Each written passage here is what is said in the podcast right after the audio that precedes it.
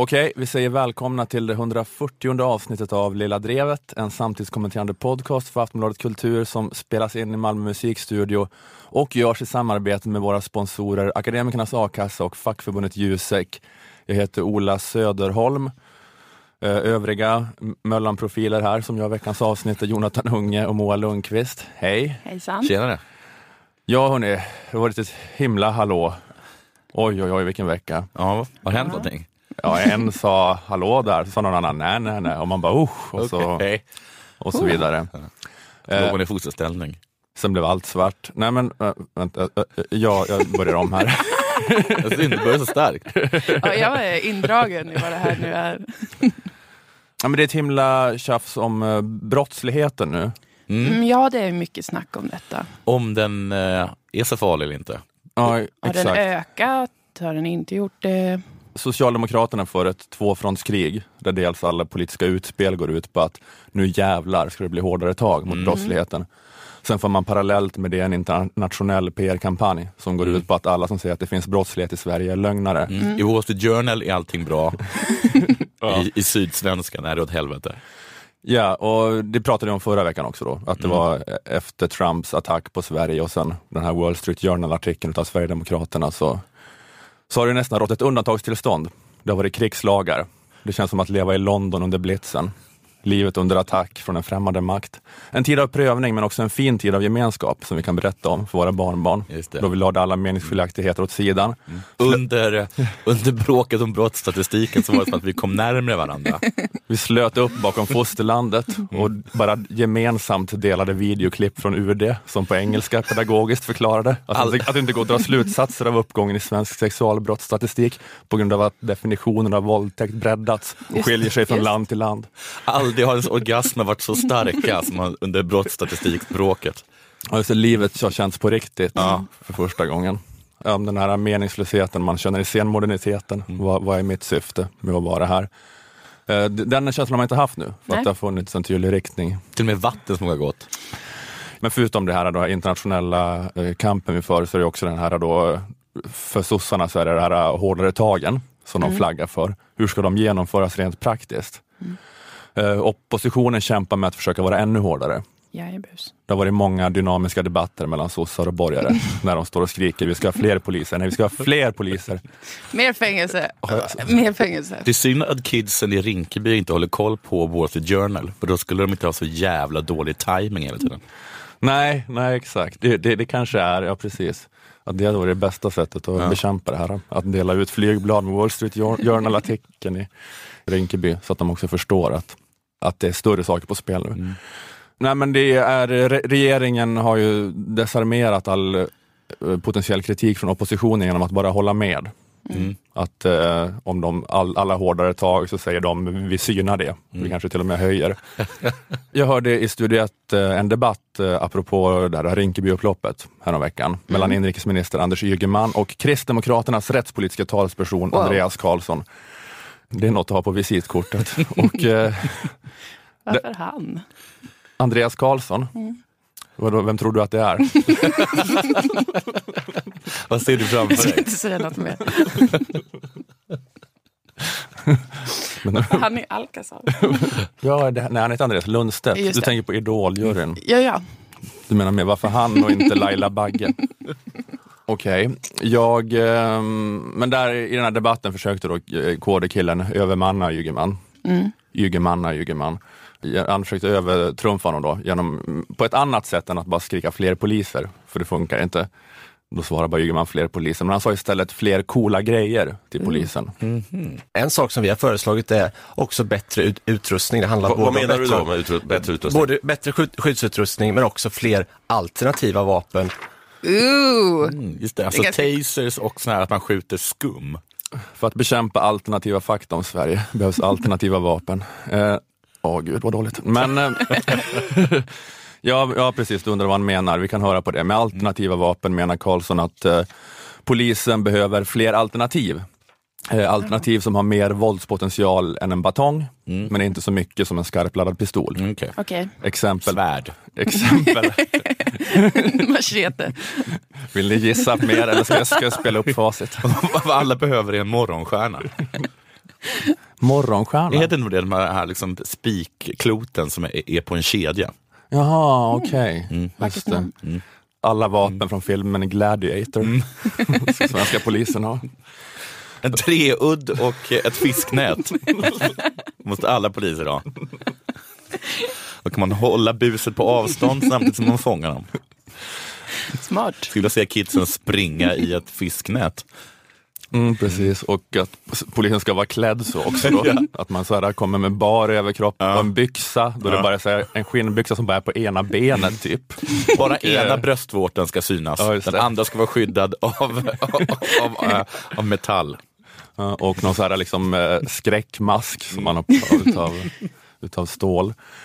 Exempel på alternativa vapen Kristdemokraterna efterfrågar är Exempelvis använda gummikulor, distansbatonger finns också i andra länder. Vattenkanoner kan användas i vissa sammanhang för att skingra stora skaror vid upploppsliknande situationer. Elpistoler. Och det hade väl varit bra om polisen hade alternativ till skarpladdad pistol. Då hade kanske Olof Palme levt idag. Bra där. Ja, jag var tvungen att fundera vad du egentligen menar, men nu förstår jag. Statsministern har blivit tasad, hade boken hetat då. Ja, men det var för att de inte hade de här alternativen. Ja. Pol- polisen ville bara skingra folkmassan Olof och Lisbeth Palme. men i och med att de inte hade vattenkanoner var de tvungna att göra det med skarpladdad pistol. Så blev det. Eh, nej, men du vet, ni kan kolla, den ligger på SVT Play igen, den här Pilgrims tv-serien av Leif GW. Mm. Förklarar han. Mm, bra. För får ni bakgrunden till varför det här skämtet var helt sant. Eller byggde på helt sanna premisser. Bra. Eh, 100% sanning. Men lyckas KD-killen här då distansera sig från Ygeman genom att vara ännu hårdare? Kan det bli så här nu att det skapas en verklig konfliktyta mellan Socialdemokraterna och borgarna? Att det utkristalliseras två tydliga alternativ som vi kan rösta på 2018. För och emot gummikulor. Vad säger Ygeman? Är han för de här alternativa vapnen? Ja, han är Aha, för dem. Om, Jag hör om, andan. om polisen vill ha dem. Det ska avgöras av polisen och inte av riksdag eller regering. För det är polisens taktiska överväganden och deras arbetssituation som ska vara vägledande för vilken material de ska ha. Det är ingen ifrån polisen som har efterfrågat gummikulor, vattenkanon, eldkastare eller något sånt. Ingen från polisen har efterfrågat eldkastare. Nej. Som tur är, för det är allt de behöver göra. Fråga efter det. Då köper Anders Ygeman. Vad är en, vad är en distansbatong? Det undrar jag också. Det låter som en sån här jättestor En jättelång- uppblåsbar eh, batong som man kan vinna på tivoli. Ja. Ja, jag har inte kollat upp det. Nej. Man tänker bara att det är en kanske lite längre batong Mm. som det blir hårdare slag med. Mm. Ja, men Ygeman säger att det är ju helt och hållet eh, polisen som äger frågan de, Ja. om, de, om vilka vapen de vill ha. Så, så om polisen gick ut och önskade detta Anders Ygeman så skulle Då du... skulle absolut, för i grunden kan polisen köpa alla de här sakerna. Så om polisen vill ha eldkastare, Ja. då kommer Ygeman ge dem det. Hmm. Och här tycker jag att eh, man kan säga att Ygeman verkligen gör en chockhöjning i det här budandet Ja. och vem som är bäst på hårda tag. Han är redo att sätta in eldkastare mot buset. Jag tar din distansbatong och höjer med eldkastare. Ygeman är beredd att invadera Rinkeby som amerikanerna invaderade Okinawa. Mm. Det är fanatiker vi har att göra med. De är bortom räddning, de kommer aldrig upp. Man får, man får gå från grotta till grotta och bränna dem levande. Jag fattar inte varför han sa eldkastare. Nej, Nej. men därför, det trodde jag att han... Det var jättekonstigt, för det, det känns som att han ville sätta dit eh, Andreas Karlsson. Att han ville driva lite med honom. Ja, men han var ju samtidigt för eh, elpistol till Ja, exempel. ja, ja, han var ja. Men ehm, ja. Men Jag tror han, han, han tänkte två saker. Han tänkte, jag, jag ska säga att de ska få allt det här, alltså samtidigt vill jag sätta dit dig. Mm. Så blev det fel, så föll han på sitt eget Mhm. grepp. Ja, ja, ja, det blir, man, kan, man kan inte hålla med och raljera över vad den andra säger. Nej, precis. det blir för oklart. Ja, det var jättekonstigt. Du ska ju hålla med det här, det här sjuka han säger. Ja, ja, ja. Jag, men jag, jag tänkte, jag ska prata lite mer om det här sen. Om, eh, det är ju BRÅ, heter de, Brottsförebyggande rådet, de har släppt sin rapport om brottsutvecklingen i Sverige. Eller BRA som de heter i Fox News. Vad, vad ska ni prata om? Eh, Jag ska tala om en ny spännande studie och ett eh, spännande lopp. Wow. Mhm. Jag ska prata om Elisabeth Svantesson och Moderaterna och bär. Bra, tre, ny, tre nyckelord. Åh gud, ännu en sån här misslyckad puff. Men eh, Alltså, spännande studie och spännande lopp. Ja. Bär? Det var, väl inte, det var väl inte en dålig puff? Det är alltså bär i pluralis. Ja. Ja, gud. Nej men, ehm, du får... Jag, jag vet inte, förlåt. Jag blev så trött bara. Mm. Jättebra. Ja, Då, eh, då får du prata om en av de här sakerna efter den här eh, stingen Jonathan. kul man.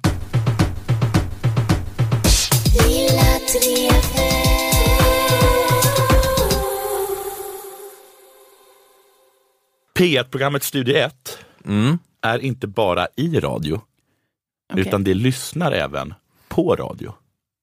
Jaså? Är inte det sant? Studio 1. Det gjorde vi. Vi hörde Vetenskapsradion och där kunde vi höra om en ny studie vid Helsingfors universitet som visar att långa psykoterapier på sikt kan vara kostnadseffektivare än korttidsterapi vid behandling av komplicerade former av ångest och depression. Det jag sa var sant och jag fick medhåll direkt. Och det de lyssnat på handlade alltså om en studie rörande hur kostnadseffektivt och bara hur effektivt det är med långa kontra korta terapier. Och den här studien visade att i det långa loppet är långa terapier mer effektiva. Vilket går stick i stäv med den gängse synen på vilken terapilängd som är bäst. Jaha, är det att det är kort är bra? Kort är bra. Speciellt Socialstyrelsen ser på det hela på det sättet. Det är en stark trend va, i, i Sverige de senaste åren. Att man har Helt- korta, korta KBT-behandlingar hellre än... Helt dominerande skulle jag säga. Den som blev inbjuden av Studio 1 för att svara på dessa frågor rörande studien var Rolf Holmqvist, professor i klinisk psykologi. Och han fick bland annat svara på denna fråga. Jag, jag tänker hur många har eh, tid med så mycket Nej, nej, behandling? nej, just det. Ja, vad en raljant fråga. Ja, den som tar sig tid Är ju är svaret. väl svaret på den frågan. Det är som att använda tandtråd. Ja. Nej, det är det inte. Vad menar du? Det, eh, Det tar den tid får ta sig tid att göra det för det är en bra grej. Det tar den tid det tar om man vill att det ska bli bra, eller hur? Ingen säger väl till en gravid nio månader, vem har tid med det? Eftersom svaret blir ja, den som vill ha ett färdigvuxet foster. Ja, Eller hur? Mm, mm, mm. Håller med mig? ja, jag är med. Det var ingen dålig liknelse. Nej, fast den var lite onödig efter tandtråds Jo, smashen det var så jag gjorde. det är sant. Blev lite överflödig. Gud. Sen, nu är jag trött. Sen, Tycker du rätt Ja, rätt? jag Den bara trött. övermannar att- Som en sån slägga i huvudet. Ja, som bara kommer över en ibland när man är i den här studion. sen fick Rolf såklart också denna fråga. Det här med eh, terapi handlar ju ibland också om pengar, hur mycket man har råd med. Men i det här fallet så har, Ja. så har, man inte, har inte det spelat någon roll, eller? Jo, det är klart att det kostar mer att gå fler timmar i terapi. Tråkig ton i den här frågan. Ja, det kostar såklart mer, Ja, men å andra sidan så funkar det. just det. Och det borde ju vara den enda frågan. Funkar det? För ingen frågar väl en gravid om det inte vore billigare att förlösa barnet efter tre månader. För svaret är jo, det är billigare, men det funkar inte. Ja, Tycker du om den släggan? Ja, det var ja, ganska stark. Mm. Försök få in tandtråd där. ja. Men det fina med denna studie är att den visar följande. Och eh, den långa terapin visar sig ge mer stabila resultat. Till exempel, inte bara när det gäller eh, symptomen utan också när det gäller sånt som att man kan gå tillbaka till arbete, som ju är en viktig indikator. Bättre resultat och mer kostnadseffektivt. Win-win, double jam, om det, uttrycket finns. Ja, Ja, Långa terapiformer spöar skiten i korta terapiformer eftersom de är mer kostnadseffektiva och ger bättre resultat. Framförallt så håller de i sig resultaten. Men framför allt så är det bästa med den här studien det här. Det är väldigt få studier som görs på långa terapier så det här är en nästan unik, Och det här handlar om väldigt kom- imponerande studie och vi har nästan inga studier på den typen av långa terapier. Det bästa med denna studie om långa terapier är att det är en studie om långa terapier. För sedan flera år tillbaka så är det bara KBT som gäller. Och det beror bland annat på att KBT till skillnad från långa psykodynamiska terapier har så himla mycket data att visa upp. ja, exakt. De kan visa upp data. Kolla på vår data, säger KBT. De här KBT-fanatikerna. Se här på all vår data. Medan psykodynamikerna inte haft någon data att visa upp. Nej. Ett, för jag tror att psykodynamikerna är lite för fina för att göra, för att göra studier av, sin egen terapiform. Samt att det är mycket lättare att samla data på något som bara tar några veckor än något Ja. som tar flera år. Men det här är ju en sån typisk som kanske sådana vänstersociologer som Habermas och sådana pratar om. Problemet Ja. med det instrumentella tänkandet. Just och det. att det mät, allt måste vara mätbart, annars finns det inte. Habermas, är det, är det kommunisten i Slovenien? Nej, det är en tysk... Ja, det är eh, Habermas, han som dog precis. Ja, Fan, vi älskar Nej, Habermas. du tänker på Baumann tror jag. Skitsamma. Ja, då är det Baumann jag gillar. Så kan han dö. Och därför då så rekommenderar ju Socialstyrelsen nästan endast KBT. För att här kan de, det här, då kan de säga, det finns data som visar att KBT är mycket bättre. Och det gör, och det gör nu att det går typ inte att få högkostnadsskydd för någon annan terapiform än KBT. Och är det då bara detta med data? För det, det är väl klart att Socialstyrelsen föredrar en terapi som tar några veckor istället för en som tar år. Eftersom det, den som tar några veckor är ju så himla mycket billigare. Men man borde väl bli lite misstänksam mot KBT när den presenterar sig som en form av terapi som kan behandla allt från fobier, ångest, tvångshandlingar eh, till depression och allt detta på bara några veckor Ja, till ett väldigt billigt pris. ja, det låter typiskt. Det som att låter väl väldigt bra. Ja. Mm. Nästan lite för bra för att vara sant. Ja, En normalfuntad människa hör ju att det här är en scam. ja. KBT är scam. Oj. Ett Nigeria-brev, om du så vill. Det är för bra för att vara sant. Mm. Det ser vem som helst, förutom Socialstyrelsen. Socialstyrelsen sitter i detta nu och för över skattepengar till en prins i Nigerias konto. Samtidigt som de beställer penisförstoringspiller och såna här vattenvirvlare som gör att det blir bättre vatten. Nu, precis exakt nu, så har Socialstyrelsen beställt en halv miljon Nicer Dicer Plus för att drastiskt dra ner på vår grönsaksskärartid. De klickar på varje länk i mejl de fått från SÄB och de funderar på att byta ut bromsmedicinen mot ligger med oskuld. Hör upp! Socialstyrelsen, er dator har inte fått virus och ni behöver inte registrera er hos Bolagsupplysningen. Vilka dumhuvuden! Skrattretande. Det är klart att KBT inte funkar. Det hör man ju. Nej, precis. För även om KBT kan visa upp att de funkar så är det så att de inte verkar funka så länge. Så en person som går i KBT tycker att det funkar men måste sedan göra det flera gånger för det funkar bara ett tag. Så är det med KBT och det är bara så det är. Sen är ju KBT inte bara dåligt, vilket ju också Rolf Holmqvist mycket riktigt påpekar. att det visar sig att det är vissa typer av patienter som har mer nytta av den här långa terapin. Och det är ju, det är ju den viktiga saken. När vi, I Sverige har vi ju nu en diskussion om nya riktlinjer för depression av ångest och depression. Och där är det som att man talar om terapiformer för alla patienter istället för att tänka att vissa terapiformer passar för vissa patienter, andra för andra patienter. Socialstyrelsen vill liksom att a- ha en terapiform som passar alla, men så funkar inte eh, terapiformer. Olika former passar olika människor. KBT funkar till exempel väldigt bra på dumma människor. Om du vet med dig att du inte är den vassaste kniven i lådan samt väldigt jag-svag, då är KBT-grejen för dig. Taskigt. Då, behöver, då behöver du bara några enkla övningar och så Du kommer hör- du vara glad över det hela livet. Du behöver övningen, tänk inte på det. Det är liksom all den analys du behöver av ditt problem. Och så måste ju Socialstyrelsen förstå att det finns folk och sen finns det lite dummare folk och de behöver olika terapiformer. Så är det och det går inte att säga någonting emot. Men det är, eh, jag hörde en annan, eh, en kvinna i den här debatten som kanske var någon slags psykolog.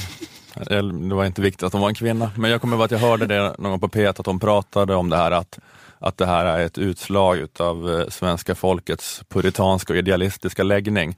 Att det bara, det är omöjligt att ha två tankar i huvudet samtidigt. att det, det måste antingen vara bara psykodynamisk eller bara KBT Just och att det svänger fram och tillbaka Ja, i sådana starka pendlar. Nej men att så är det med allting i svenska samhället, att man går från den minst liksom avreglerade skolan till den mest avreglerade på ett halvår. Ja. För att man har bara en sån eh, stark så här, ja, puritansk idealistisk läggning. Att vi måste hitta sanningen och så ska vi göra den fullt ut. Rolf snackade egentligen inte så mycket skit om KBT, det var egentligen bara jag som gjorde det. Men han menar ju att det handlar egentligen bara om längden. Att det kanske är så att KBT är jätteeffektivt men man kanske ska även gå i KBT lite fler gånger än, eh, än fem gånger. Just det. Ja, för det är väldigt kort. Eller tio då. Men det är väl mycket det där att eh, att man ska kunna presentera data, att man ska mäta något som inte är så jävla lätt att mäta. Nej. Men, men har någon satt upp en tabell där de mäter det här, alltså, då vinner de upphandlingen. Sen så ska jag också säga att ingen av de här formerna egentligen funkar så speciellt bra. Har du en egen Nej, som du hellre vill sälja in nu? Nej, men det bara att bara att de, de funkar inte speciellt bra. Att om, det funkar inte så bra att få folk som mår dåligt att sluta må dåligt. Nej, Nej, det är svårt. Ja det är supersvårt. Mm. Jag har hört att, att, att, ungefär, jag har hört att någon som säger att det funkar 50 procent ungefär kanske. Men det, ja. Nu slänger jag mig med data här, men det är bara att lita på mig. Alltså det som är viktigast har jag hört, det är att terapeuten tror på, det, på den eh, terapiformen den har och att patienten tror på den terapiformen som den går till. Så om bara två personer är, eh, är galna så, så funkar det bättre. Då blir det bra. Ja. Och då spelar det inte så stor roll egentligen vilken det är. Men för, för jag kommer ihåg att jag fick eh, via eh, högkostnadsskydd Mm. och bara blev remitterad av landstinget. Men, Till eh, vilken form då? Ja, men, alltså det var bara KBT, men jag Ja. valde liksom en farbror Ja. i- från en lång lista och så sa han att det här är inte KBT när Nej. jag kom dit, men jag måste säga det för Ja, annars får inte jag en enda patient skickad till Nej. mig. Men jag vill bara sitta här och snacka som att det är Ja. psykodynamisk terapi. Mer. Jag fick KBT, men då fick jag bara en broschyr där det stod om du, vill, om du har en impuls att köra över någon eller sticka någon i ansiktet med en vasst föremål. Skriv upp vad du tänker innan du tänker det. Men det var ju mer OCD. Men det var liksom, jag hade inte det. Sen gick jag aldrig tillbaka igen. Nej. Men jag fick den broschyren. Men så det var KBT? Det var Du gick KBT. till en sån, okej. Okej, terapiformen broschyr. Om du tänker att du vill köra över någon med bil, gör inte det. Men är det, är det Det för var att man, aldrig mitt problem. Är- Är det liksom då för att man räknar pinnar och det är liksom så man får vårdpeng? Är det, så? Det måste vara att, något att varje gång jag har gett en broschyr och sagt eh, kör inte över någon människa, så jag, liksom, då har jag, plock, då har jag plockat en pinne och då kan jag göra det så mycket snabbare än någon som håller på att prata med någon i 18 månader i Precis. psykodynamisk behandling. Mm. Det måste ju vara så. Och att det är det systemet vi har uppmuntrat med Mm. incitamenten som är nu. Fy fan. Ja, men det är bra nu att dynamikerna har fått lite, har fått lite ammunition Ja. mot eh, KBT-dräggen. Ja, nu har de ett data som de Nu har de ett data mot miljontals KBT-data.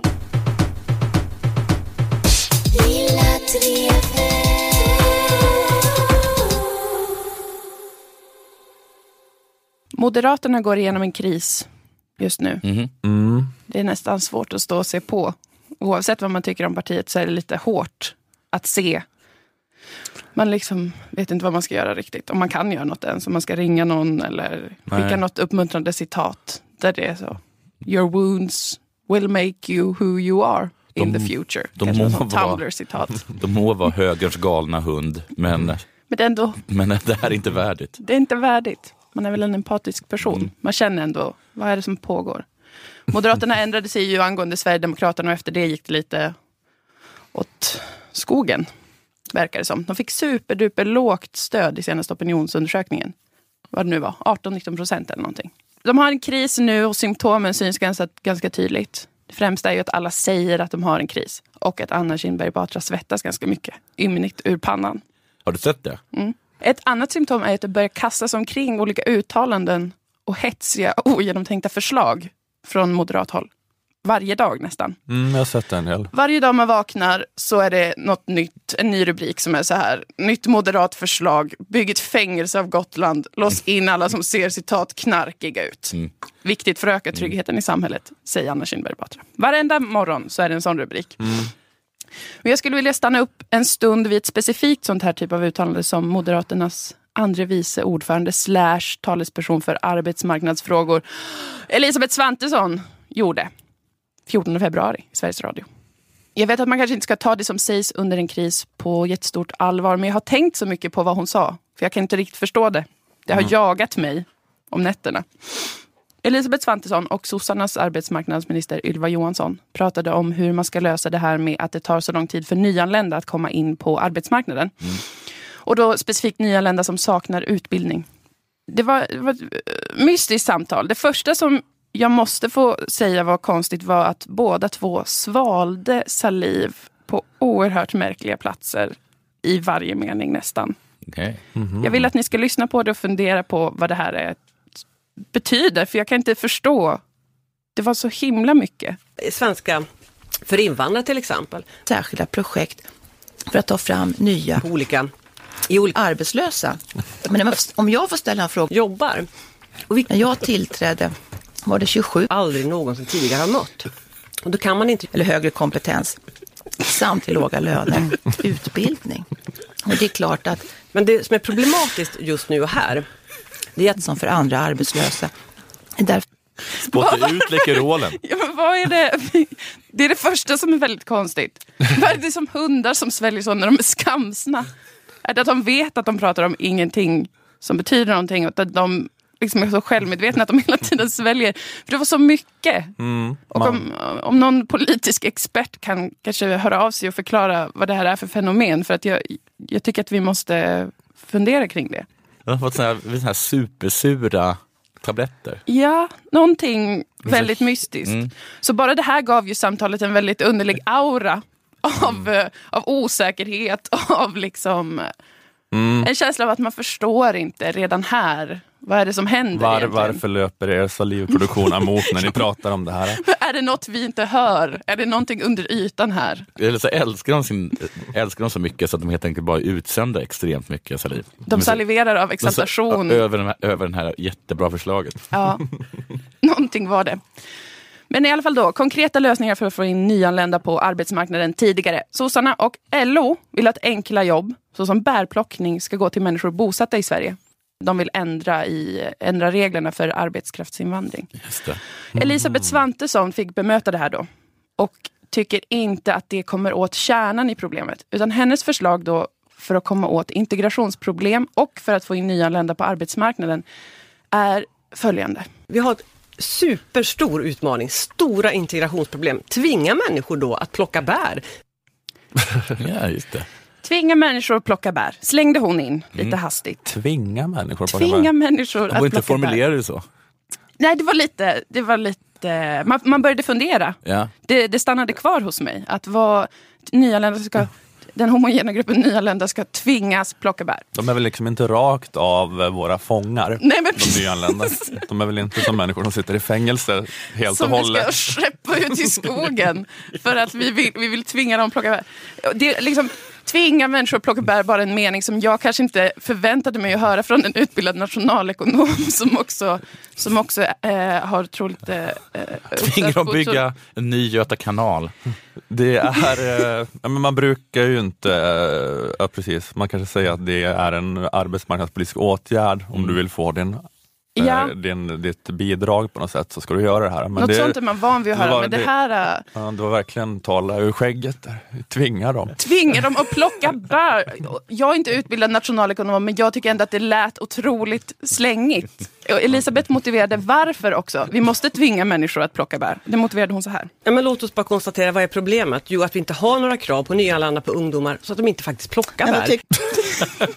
Det är där de inte plockar bär. Alltså, jag personligen hade ingen aning om att det var det konstaterade problemet med den svenska arbetsmarknaden. Att samhället inte ställer krav på den homogena gruppen nyanlända och ungdomar.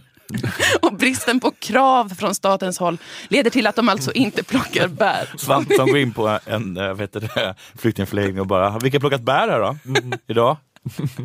inte en hand. Inte en enda. Och det, hon menar liksom, här har vi roten till någon slags integrationsproblem och arbetslöshet. Varför har ingen sagt det innan då? Att om vi inte vill ha segregation eller folk som är utlåsta från arbetsmarknaden så måste unga och nyanlända gå ut och plocka bär.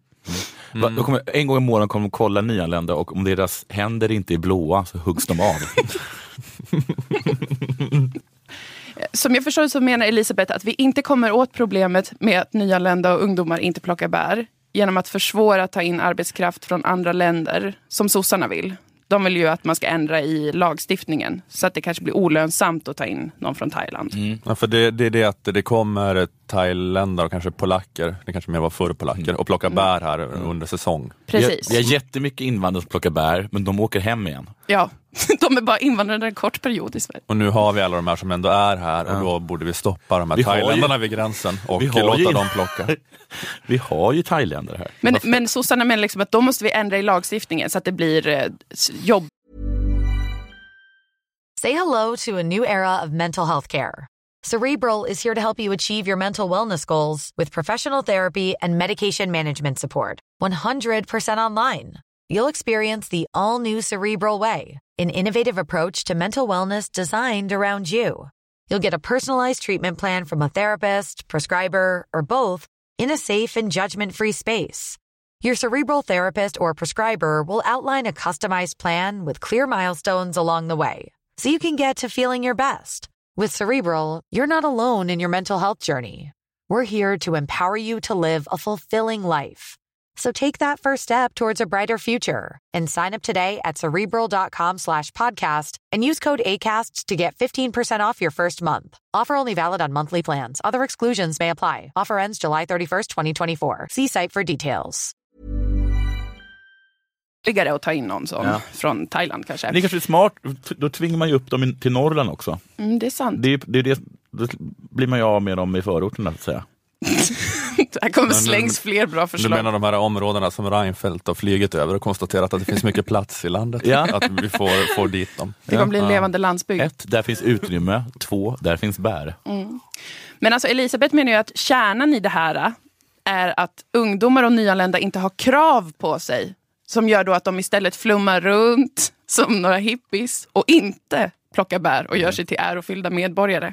Som vi andra skulle ha gjort om vi var arbetslösa. Så skulle, det första jag gör är att tänka, finns det bär att plocka? så att jag kan bevisa mig själv i samhället. Så drar jag upp till liksom Boden, stationerar mig där. Dessutom, om de använder sina eh, händer till att plocka bär, då hinner de inte onanera så mycket. Som de annars ju gör. Var, var, det, var det ett skämt om att Elisabeth Svantesson är frikyrklig?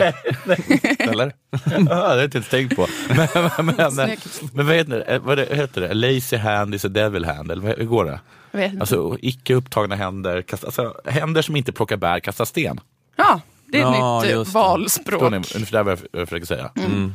Elisabeth menar att hela den här bärparadoxen, som jag antar att nationalekonomer kallar det, börjar med att den homogena gruppen ungdomar och nyanlända är fruktansvärt bortskämda.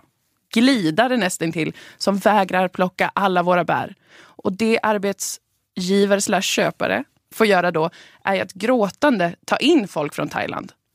Men det skulle de aldrig göra om ungdomar och nyanlända haft lite disciplin och plockat bär. Vad jag menar är om det vore så att svenska ungdomar och nyanlända plockade bär, då skulle ju inte det komma hit människor från andra länder och plocka bär. Logisk slutledningsförmåga. Om det var fullt i skogarna av ungdomar och nyanlända som plockade bär, då skulle det inte få plats med någon från Thailand som vill plocka bär. Jag kan inte pressa in en thailändare i en svensk skog snart. Det kommer vara fullt Det är fullt. Jag tycker Syrianer. men det, men det är bara något det här med att vi ska tvinga dem. Man kan väl ha lite så här mera morotstänk. Att Mm. eh, om ni, alltså, eller, om ni, ni, eller kanske mer så att ni måste plocka bär, annars ingen sylt på flyktingförläggningen. Precis. Vi tar ifrån dem deras sylt. Eller moroten. Så att de förstår liksom, vad tror ni sylten kommer ifrån? Tror du det där uppstår i tomma Man måste ju intet eller? plocka bären för fan. Eller bara, ni, ni vet att ni får äta hur mycket ni orkar medan ni plockar bär. Det är ju en morot som ju de flesta människor tickar igång på. Alltså. Det är väl så man lockar folk till jordgubbsplockning, inte det? Jo, Ja, för just egen det. del kan jag be- bekräfta att det är det som har lockat mig till att plocka jordgubbar tidigare. Men så det kommer då att locka 16-åriga afghaner till eh, inre Lappland. Att de får så här, äta så mycket lingon de vill. Här är ett erbjudande den inte kan motstå. Och, ehm, Elisabeth vill att vi ska ställa de här kraven då att man ska bli straffad ju i princip om man inte plockar bär. Alltså tvingande åtgärder, typ att man inte får ersättning eller att man, man kanske måste finansiera sin SFI-utbildning i björnbär för att få den. Att man åker och plockar björnbär och så är det kanske tre hinkar för en termin. Eller någonting sånt. Hon berättar inte detaljer. Men vad, sa, vad sa du att hon sa på riktigt? Att man skulle finansiera? Man, man ska inte få någon ersättning Om om, man- man inte Mm. plockar bär till exempel. Då. Just det. Men det är ju som sagt mycket frågor som uppstår. Hur ska det lösas rent praktiskt? Det finns inte bär året runt. I nuläget, februari, mars. Nej. Vi kan inte skicka upp någon, och hur mycket vi, Elisabeth än vill så kan vi inte bussa upp ungdomar och nyanlända i skogarna för att plocka bären. Ja, det, det löser bara sysselsättningen en månad om året ungefär. Ja, precis. Var ska alla bo? Ska det vara någon slags tält? Eller eh, kanske flytta in i spökstäder då, i inlandet? Svamp då? Svamp har vi ju också, men det är ju senhöst. Ja, men, ja, ja, men med allt man kan plocka så är det kanske en tre månaders säsong eller någonting i Ja, alla fall. ja, men det skulle man Men då har vi ju ändå kvar ett antal månader på året. Där, kan- där kan- det inte... Och kanske lite mer om de åker från Skåne upp till Lappland, alltså följer, följer liksom eh, säsongen. Får resa hela året runt. Från södra Sverige upp till norra De får börja med jordgubbar redan i maj, juni i södraste Sverige. Och sen så Moderaterna slutar det liksom med, med, med hjortron i Kiruna. Där har vi ju sex, sju månader alltså av arbete och det är ju faktiskt helt Fan, folk otroligt. kommer börja hata invandrare än mer. Ja, det här är inte bra för- med SD för de, kom, de vill bara att det ska vara putt i blåbärsskogen Nej. och mors lilla Olle. Så kommer det bara vara nyanlända i skogen. Man går ut till Kommer sitt, inte vara till sitt lilla hemliga smultronställe och vem står där? Men det är också att det här skulle lösa liksom, integrationsproblem har jag ju lite svårt att se i och med att det inte det är inte många i skogen. Grejen med skogen är att det är ingen människa där. Det är därför det är skog. Så att om man tänker att man vill knyta kontakter och komma in på arbetsmarknaden så är det svårt då. Om man bara är jättemånga ungdomar och nyanlända i skogen själva. Det är svårt sen att få någon som skriver liksom en referens på en. Det är en älg som får liksom trampa på ett kontrakt för att bekräfta. att- Jag vet inte hur det ska gå till exakt. Nej, men Men det det är är, också, liksom inte klockrent så om man vill, om man vill säga ja, men jag har jobbat med det här. Nu fick jag fler kontakter, nu går jag vidare i arbetslivet. Ja, men det enda du kan göra är att plocka bär, ja, men det alla, kanske någon säger. ja, men det alla säger är ju då också det här med att svenska ekonomin är så liksom utvecklad och sån hög så här, produktivitetsgrad, eller vad man säger. Mm. Så att, det, att man måste utbilda alla så himla mycket. Man måste ha liksom en gymnasieutbildning för allt. Så det här kan ju inte vara ett led i att skaffa en sån kompetens, tänker man Nej. heller, för att bli matchad för svensk arbetsmarknad. Nej, precis. Det är ju någonting annat eh, kanske då. Det är det här med kraven. Mm. Folk inte ska slappa så mycket, tycker Elisabeth. Men det är många frågor som står obesvarade efter det här uttalandet. Och det kan ju vara på grund av att Moderaterna som sagt är i en kris. Det är lite konstig stämning. Vi får inte svar på alla frågor. Men det kan också vara att det är deras nya grej. Att MUF får skriva en ny vallåt 2018. Som kanske Sverige tvingar människor att plocka bär när Sverige är som bäst. Just Till det. exempel. Plocka bärlinjen. Sverige tvingar när Sverige är som bäst. Men det är ganska catchy.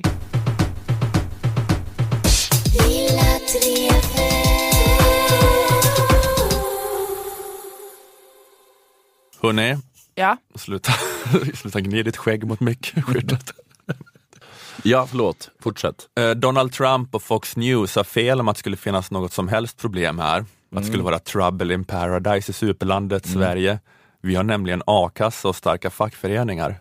Otroligt va? Det är som i Bernie Sanders rosenskimrande fantasibild om the welfare paradise Sweden. Fast på riktigt. Alla här är snälla, glada, friska, solidariska, vackra och kåta. För a-kassan och facket finns. Lilla Drevet sponsras av Akademikernas a-kassa. Att vara med i Akademikernas kostar endast 100 kronor i månaden och ger dig upp till 20 000 kronor i månaden om du skulle befinna dig mellan jobb. Så att inte vara med i a-kassan, det är bara idiotiskt. Gå med för guds skull och lev Bernie Sanders våta dröm. Akademikernas är för alla er som är eller är på väg att bli akademiker. Ni andra kan gå in på a-kasseväljaren, eh, välja akassa.se som Akademikernas har eh, konstruerat och se vilken a-kassa som passar just er. På akademikernas.se kan du läsa mer om alla villkor för alla olika tänkbara situationer. Eh, till exempel har man rätt att plugga på halvfart samtidigt som man får a-kassa. Lilla Drev sponsras också av fackförbundet Jusek. Ett medlemskap i Jusek innebär bland annat en förbättrad inkomstförsäkring. Eh, är du med i Jusek får du 80% av lönen upp till 80 000 kronor. Läs mer på jusek.se. Att vara med i Akademikernas och Jusek kostar sammanlagt 351 kronor. Är du redan med i a-kassan lägger du alltså bara till 251 kronor för att också få vara med i facket. Tar du steget och går med i Akademikernas och snedstreck eller Jusek tack vare den här podden får du gärna skriva det i din ansökan. Du kan också berätta om det i sociala medier under hashtag lilladrevet.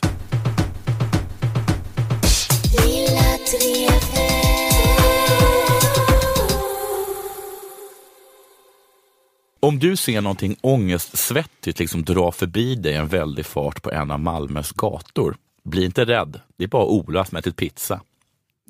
Va? Vart är du på väg? Du vet Ola, när du äter en pizza så får du så väldigt mycket ångest för ditt utseende och så börjar du liksom gå av den.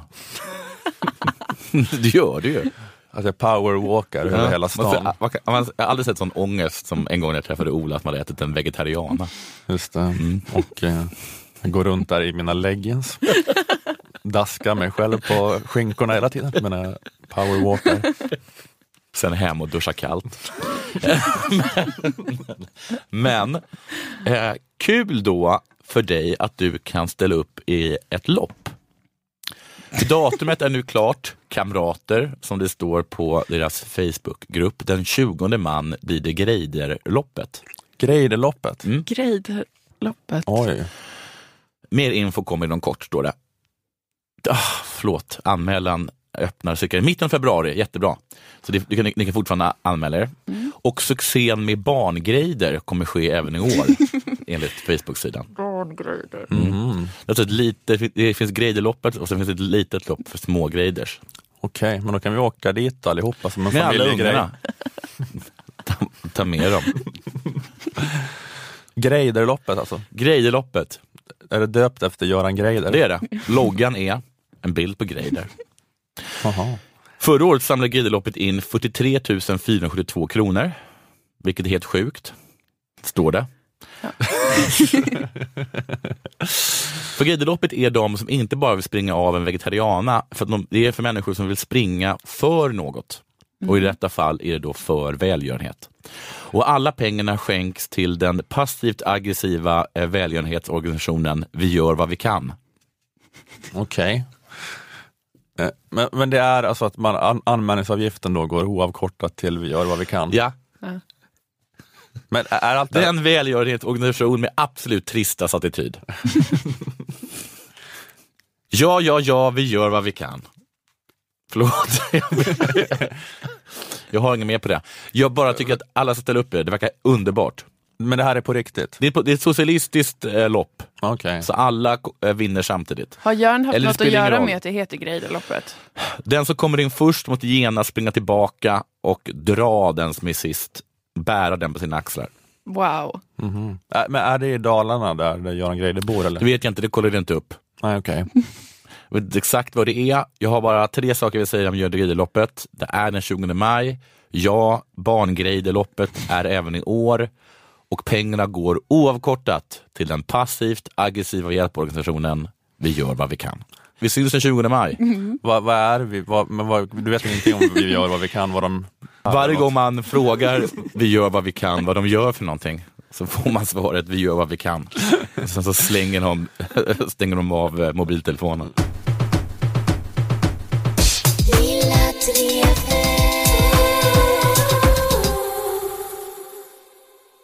Brottsförebyggande rådet BRÅ kom med sin nya rapport eh, igår, när vi spelar in, alltså i tisdags. Det är onsdag idag. Eh, en rapport som heter Brottsutvecklingen i Sverige och den beskriver 2000-talet fram till 2015. Eh, viktig rapport, inte bara inrikespolitiskt slagträ utan alla politiker i hela världen har ju hängt upp sin argumentation på hur mycket eller lite brott det är i Sverige. Ja. Några, Från Moskva till Washington. några sketna små gängmord i det här lilla jävla blåshålet som vi bor i. Det används av fina berömda män ute i stora världen som Nigel Farage som hans viktigaste rationalisering till varför Storbritannien ska avsluta alla internationella relationer och framöver bara återskapa ett Downton Abbey live. Jävla kidsen i Rinkeby. I Sverige handlar det mycket om Sverigedemokraterna. Eh, Jimmy Åkesson har debatterat med justitieminister Morgan Johansson eh, 18 gånger ungefär sedan Jimmy och Mattias Karlsson skrev sin Trump har rätt debattartikel i Wall Street Journal. Åkesson menar att det går åt eh, helvete då med brottsligheten och, och sånt. Så här lät det i Studio 1. Om man tittar på våldsutvecklingen då de senaste tio åren i den här nationella trygghetsundersökningen, så när jag tittar på de här kurvorna så ser inte jag det du beskriver riktigt. Det är en ganska rak kurva. Det är en, en viss stigning på våld, sexu eh, sexuella brott då det sista året, men annars är det ganska raka kurvor. Är det då korrekt att beskriva det som att allting bara går ut för? Jag vet att dels så kan man, det är klart att man kan tolka statistik på en väldig massa olika sätt, så är det. Det finns också förklaringar till exempel till att det dödliga våldet har minskat och så. Men samtidigt, som jag sa, det finns väldigt många människor som upplever den här oron, den här otryggheten. Vi har ju sett den nationella trygghetsundersökningen där den, den upplevda otryggheten har ökat. Ja, haha. skitsamma att brotten inte har ökat. Det viktiga är att det känns som att de har ökat. Ditt dumma trash, Ä- äckliga falukorvsfascist. och så vidare och så vidare och så vidare. Visst är det så, visst är det så, visst är det så. Men om man ska vara ärlig då så är det så att Sverige faktiskt när det gäller brottsutvecklingen utmärkt sig negativt på så vis att det inte har blivit bättre här i samma takt som i andra länder. Mm, det blir bättre överallt. Det blir bättre överallt, men inte lika snabbt här. Nej. Så att eh, det blir relativt sett sämre i Sverige, fast det blir bättre hela Ah, ja. Eh, Ja, men det är en jättestark allmän trend att den grova brottsligheten dyker i västvärlden. Eh, Mordfrekvensen har mer än halverats i många länder sedan 1990. Men i Sverige är den ganska stillastående i jämförelse. Jag såg något om att den minskat från 1,3 mord per 100 000 invånare då till 1,1 idag. Eh, Och det finns en stor konsensus bland kriminologerna att dödligt våld i hemmet och det som kallas det klassiska svenska fyllemordet, det har minskat. Tacka bag-in-boxen för det. Det låter orimligt. Man kan Att sitta och blir, dricka hemma man, istället. man blir så full så man inte orkar mörda någon. Man dricker rödvin vi. Man slår, vi så. slår varandra lite varje dag istället för mycket. En, Ja. Två gånger i veckan. Ja, det där kontinentala dryckesvanorna Mm, vi, har, som vi, vi, har mer, vi har mer kontinental misshandel nu för tiden. Den här härliga franska. Alltså man bara ger, bara ger en örfil. Man ger Man ger, sin fru en örfil, håller lite sådär. Dricker 12 stycken 7,0 på Man- lördag och precis, man är- knivmördar henne. Man är, tillräckligt, man är tillräckligt arg för att ge henne en uppläxning men inte, men inte tillräckligt full för att ha ihjäl henne. Jag är väl lite mer fransk så att säga. Ge en lavett då och då. I Sverige har minskningen då utav de där morden eh, nästan då eh, till stor del kompenserats av en ökning av dödligt våld kopplat till skjutningar och uppgörelser i gängmiljöer. Jag hörde Lasse Wierup, krimjournalist och författare till boken Svensk maffia, prata om det när han var med i podden Det politiska spelet för ett par veckor sedan. Eh, Och han sa då att det har blivit en tudelning, att en stor del av befolkningen upplever ökad trygghet jämfört med tidigare. De har i mindre utsträckning barn som är ute på stan och utsätts för skit och ställer till med skit Mm. jämfört med förr. Medan det är en väldigt hög nivå av otrygghet som är koncentrerad till en del av befolkningen, som är de som bor i, som han sa, tror jag, fler familjsbostäder i utsatta områden eh, med minst en utlandsfödd förälder. Men den här grejen då med våldet i de här utsatta områdena som vi har skitit i, eh, det pratas det ju mycket om nu. Men då tänkte jag att vi skulle prata om det här andra. Alltså jag undrar över den här andra delen av tudelningen.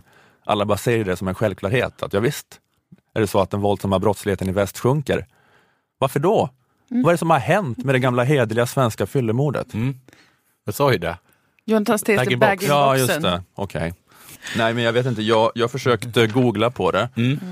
Vissa säger att det beror på bly. Bly. Bly. Bly. Man började med blyfri bensin. Alltså det är därför. Och eh, bly är ett nervgift som gjorde folk tokiga. Ja. Och det eh, som folk hade mycket högre halter av för eh, under 70 och 80-talet i sina Jaha. kroppar. Som får en att vilja så- mörda folk på fyllan. Ja, exakt. Att eh, alla ungdomsligister hade bly Mm. i, i sig. Ja, de hade fått en nervgiftet i sig och blev tokigare och mer impulsiva. Oj. Eh, Den här eh, teorin är inte helt Nej. allmänt Nej, är- accepterad. Första gången jag hörde den. Den fick inte mig att inte tro på bag-in-box-teorin. Nästa teori. Eh, Det finns en del snack om att det handlar om bättre övervakningssystem och polisarbete. Men det, Och, fär- och färre kontanter i samhället och sånt. Och Mm. mera, Va? Men det har väl inget med fyllemord att göra? där vi pratar lite om våldsam brottslighet överhuvudtaget. Ah, ja, okej. Men det kan ju också vara så att folk råkar bli mördade när de blir rånade och sånt. Mm. Eh, Men det som... Men nu rånar man inte folk för det går inte att få tag på deras pengar. Man nej, är, man är tvungen att ha en egen kortläsare för att, för att råna någon nu för tiden. Och också så här, har jag hört att elektronik har blivit så billigt att du vet att gå in och så här råna Ja, just det, typ för den- Elgiganten idag. Ja. Eller att det är, så, det är så stor risk, som har övervakningskameror och det är så liten vinst. Ja. Sånt var superdyrt på Ja, precis. 80-talet i eh, jämförelsevis. Och att andrahandsvärdet är så litet. Ja. Så även om du stjäl en, eh, en iPhone 7, Mm. så när du ska sälja den så får du inte mer än fem hunkan då. Nej, de ringer ju mig fyra gånger om dagen och vill Ja. ge mig en iPhone 7 Ja, och precis. två. Jag Mm. Mocke ska få fakturera dem Ja, försök, då 2000. vara, försök då vara legist och slå sig in på den marknaden. Jättesvårt. Men sen är det också det jag ofta läste som lyfts fram, är det här som eh, Lasse Wierup också säger. Vi har väl blivit betydligt mer intoleranta mot våld. Jaha. Det kanske inte är en förklaring till varför. Men, eller då undrar man varför det blivit det, men det, det, har, det har bara blivit så. Men du vet, jag håller med om, om det. Det stämmer ju verkligen tycker jag också Ja. om man tänker på det. Det känns som att bara liksom, gubbarna, jag vill inte nämna några namn, men kanske så Martin Timell eller vad som helst, att de, att de är mer så här, ska fan slå det på käften. Eller Robert Aschberg eller sånt här. Att det, att det, Att var en sån jargong. då. Har hans, hans generation så här, vad sa han? Ja, men gå och slå honom på käften då. Och nu hade det varit liksom en kränkning. Ja, det varit en, såhär, eh, vadå är du galen? Slå han på käften? Det är som att säga, men mörda han då? Ja men det är att vi tolererar inte våld Nej. som vi gjorde förr. Gert Fylking och Leif GW, Martin Timell Kjell Bergqvist. Kjell eh, Bergqvist. Så jag ska liksom smälla till. Ja. Ja, men slå på satt, jag satt och käften skrek så i Aschbergs program hela tiden. Ja. Men vad, vad problemet är? Problemet är att folk inte får tillräckligt mycket på käften. Ja. Och, så säger han. Och det är, all, alla de klippen hade blivit så här virala klipp som det var outrage över nu. Att, de, att de sa något sånt. Nej men det är vi, folk som spöar människor, eh, det, vi har ingen tolerans för det. Nej. Folk som spöar människor har aldrig varit så diskriminerade och stigmatiserade.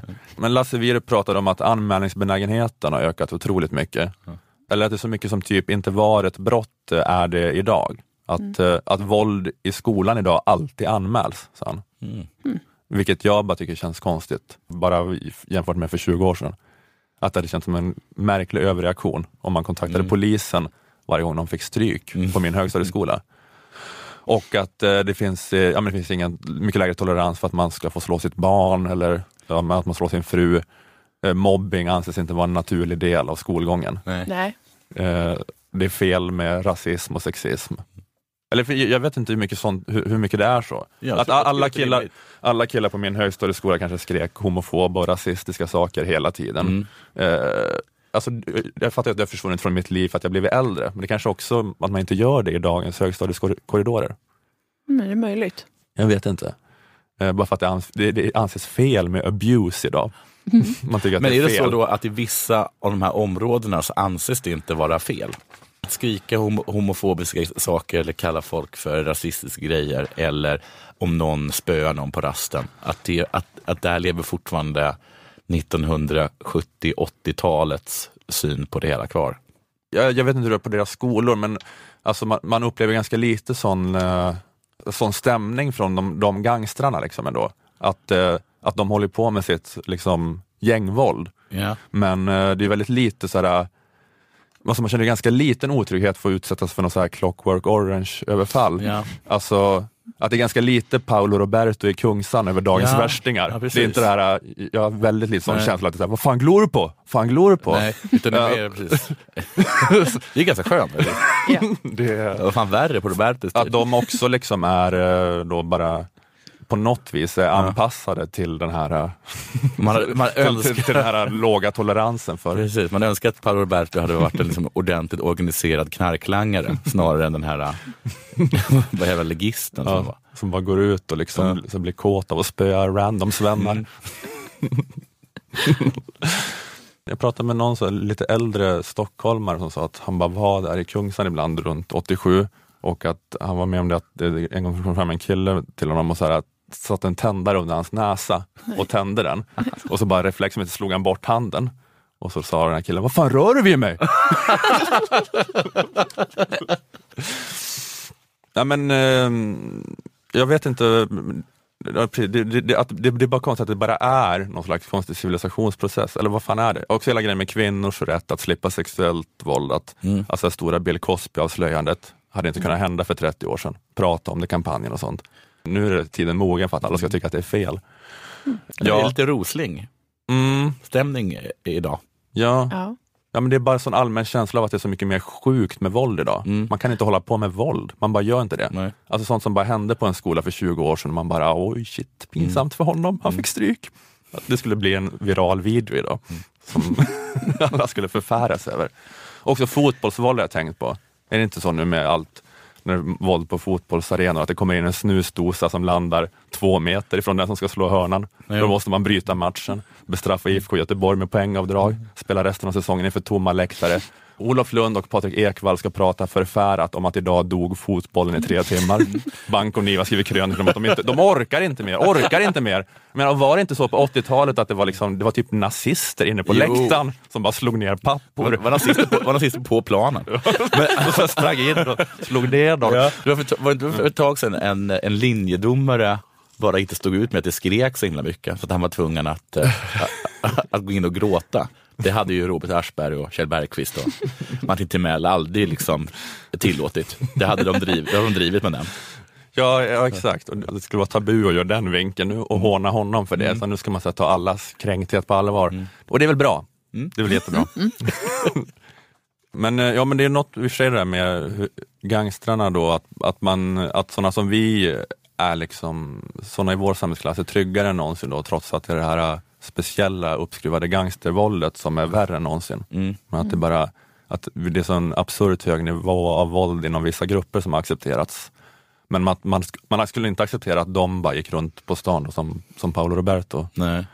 Men jag, jag funderar också, det finns ju också en sån här teori om att närvaron av riktiga gangsters också kan sanera bort lite utav den här äh, spontana eh, gangstervåldet. Alltså man Att- tänker på med Yakuza, till- Yakuza till exempel, som inte vill ha människor som springer runt och skapar dålig stämning när, när de ska sälja knark och horor. Liksom. Exakt, det, det är som, eh, precis, det, det är exemplet lyftes fram med Japan, att de har lägst brottslighet, lägst vardagsbrottslighet i hela världen, men de har världens mest etablerade maffia, mm. Yakuzan då, som är, och den är helt socialt accepterad. Polisen accepterar den i princip. De så här bekämpar den lite för syns skull. De gör så här tillslag mot Yakuzan, men då har, då, alltså, Yakuzan har ju massa poliser på sin lönelista så de vet alltid om när de ska göra tillslag. Men då lämnar Yakuzan lite vapen och knark åt dem för att polisen inte ska tappa ansiktet när de kommer dit. Så lämnar det två, en påse Mariana och en Beretta. Mm. För de accepterar inget eh, småbus, liksom. Nej. de måste sanera gatorna helt. Och, menar, är det så nu då att de här bara sociopaterna som typ inte älskar våld, de har bara kanaliserats in i, i ordentlig organiserad brottslighet? You know. Jag vet, vi jobbade en gång, jag berättade jag berättade tidigare, på ett, ett, ett, här bolag där man ringde runt och lurade människor att köpa domäner. Okej. Mm. Vilket typ var lagligt då tror jag, lite. Eh, Men det var liksom skurkar som hade det, som hade det här eh, företaget. Och bland annat så hade de tagit en gammal torped och gjort honom till personalchef. Oj, Och då var, han- var han tvungen att ta in mig på ett, em, på ett samtal för att jag kom alltid för sent. Och, och så, han hade då bytt sin läderjacka mot, eh, mot, mot slips och kostymbyxor. Och eh, han frågade mig varför jag inte kom och jag sa saker som att jag, min väckarklocka funkar inte, jag är ledsen nu för att jag har problem med min flickvän. Och jag såg att han bara ville ta ut mig på gården och spöa mig. Ja, ja. Men det gick liksom inte längre. Och det var då för att den här, äh, din kompis hade startat ett företag Ja, för det var som företag var, var liksom, och liksom, var som ta den, ut, kan inte ta ut sina medarbetare och spöa. Även om både han och jag visste att det hade varit mycket mer effektivt. men det är som den svenska Yakuzan telemarketingföretagen Ja. som ringer och lurar pensionärer. Det kliade i honom.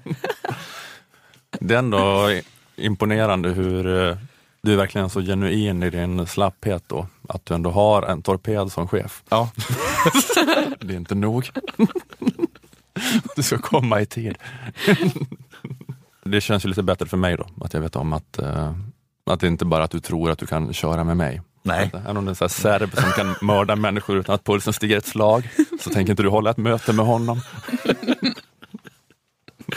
Men så att, vi återgår till, till att det självklart är det så att, man, att eh, vinsås är ju bättre än spritstinn. Liksom. Så jag hävdar fortfarande att, eh, att det är bag-in-box. bag-in-boxen. Mm. Fred i tre liters format för mellan 2 och 350 kronor. Det kan det vara värt. Det är kanske den Ja. absolut bästa hypotesen som Ja. vi har hittat.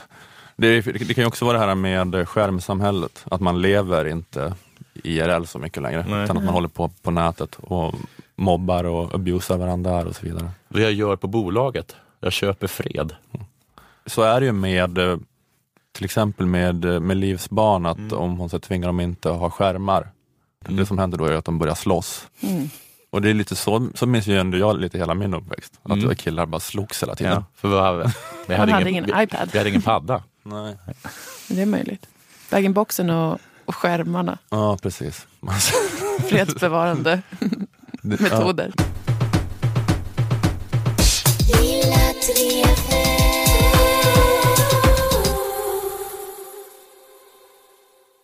det var inget mer. Det, nej, Nej. just det. det var, Ja, man vill tänka på att gå in på sems.se och boka biljetter till SEMS-turnén som drar igång snart. ja, eller till 28 mars i Malmö, Skuld. Just det. Mm, Jag kollade upp datumet nu så jag skulle kunna Ja. säga det. Man kan också gå in på lilladrevet.se. Där har vi ett eh, eh, kalendarium där man kan se Just, där de ja. olika Lilla, Dre- Lilla Drevet-människorna eh, uppträder. Väldigt proffsigt. Då kan man se när, att jag, eh, Just det. Ja, jag är 15 mars eh, i Uppsala och 16 mars i Stockholm på Oslipat. Kummen. Oslipat.com och kör stand-up comedy. Okej, vi säger tack till Aftonbladet Kultur, tack till Akademikernas a-kassa och fackförbundet Jusek, tack till Malmö musikstudio, tack ska ni ha, Jonathan Unge och Moa Lundqvist. Tack. Eh, jag heter Ola Söderholm. Okej, vi hörs igen nästa vecka. Okej, okej. Hej då. Hej då!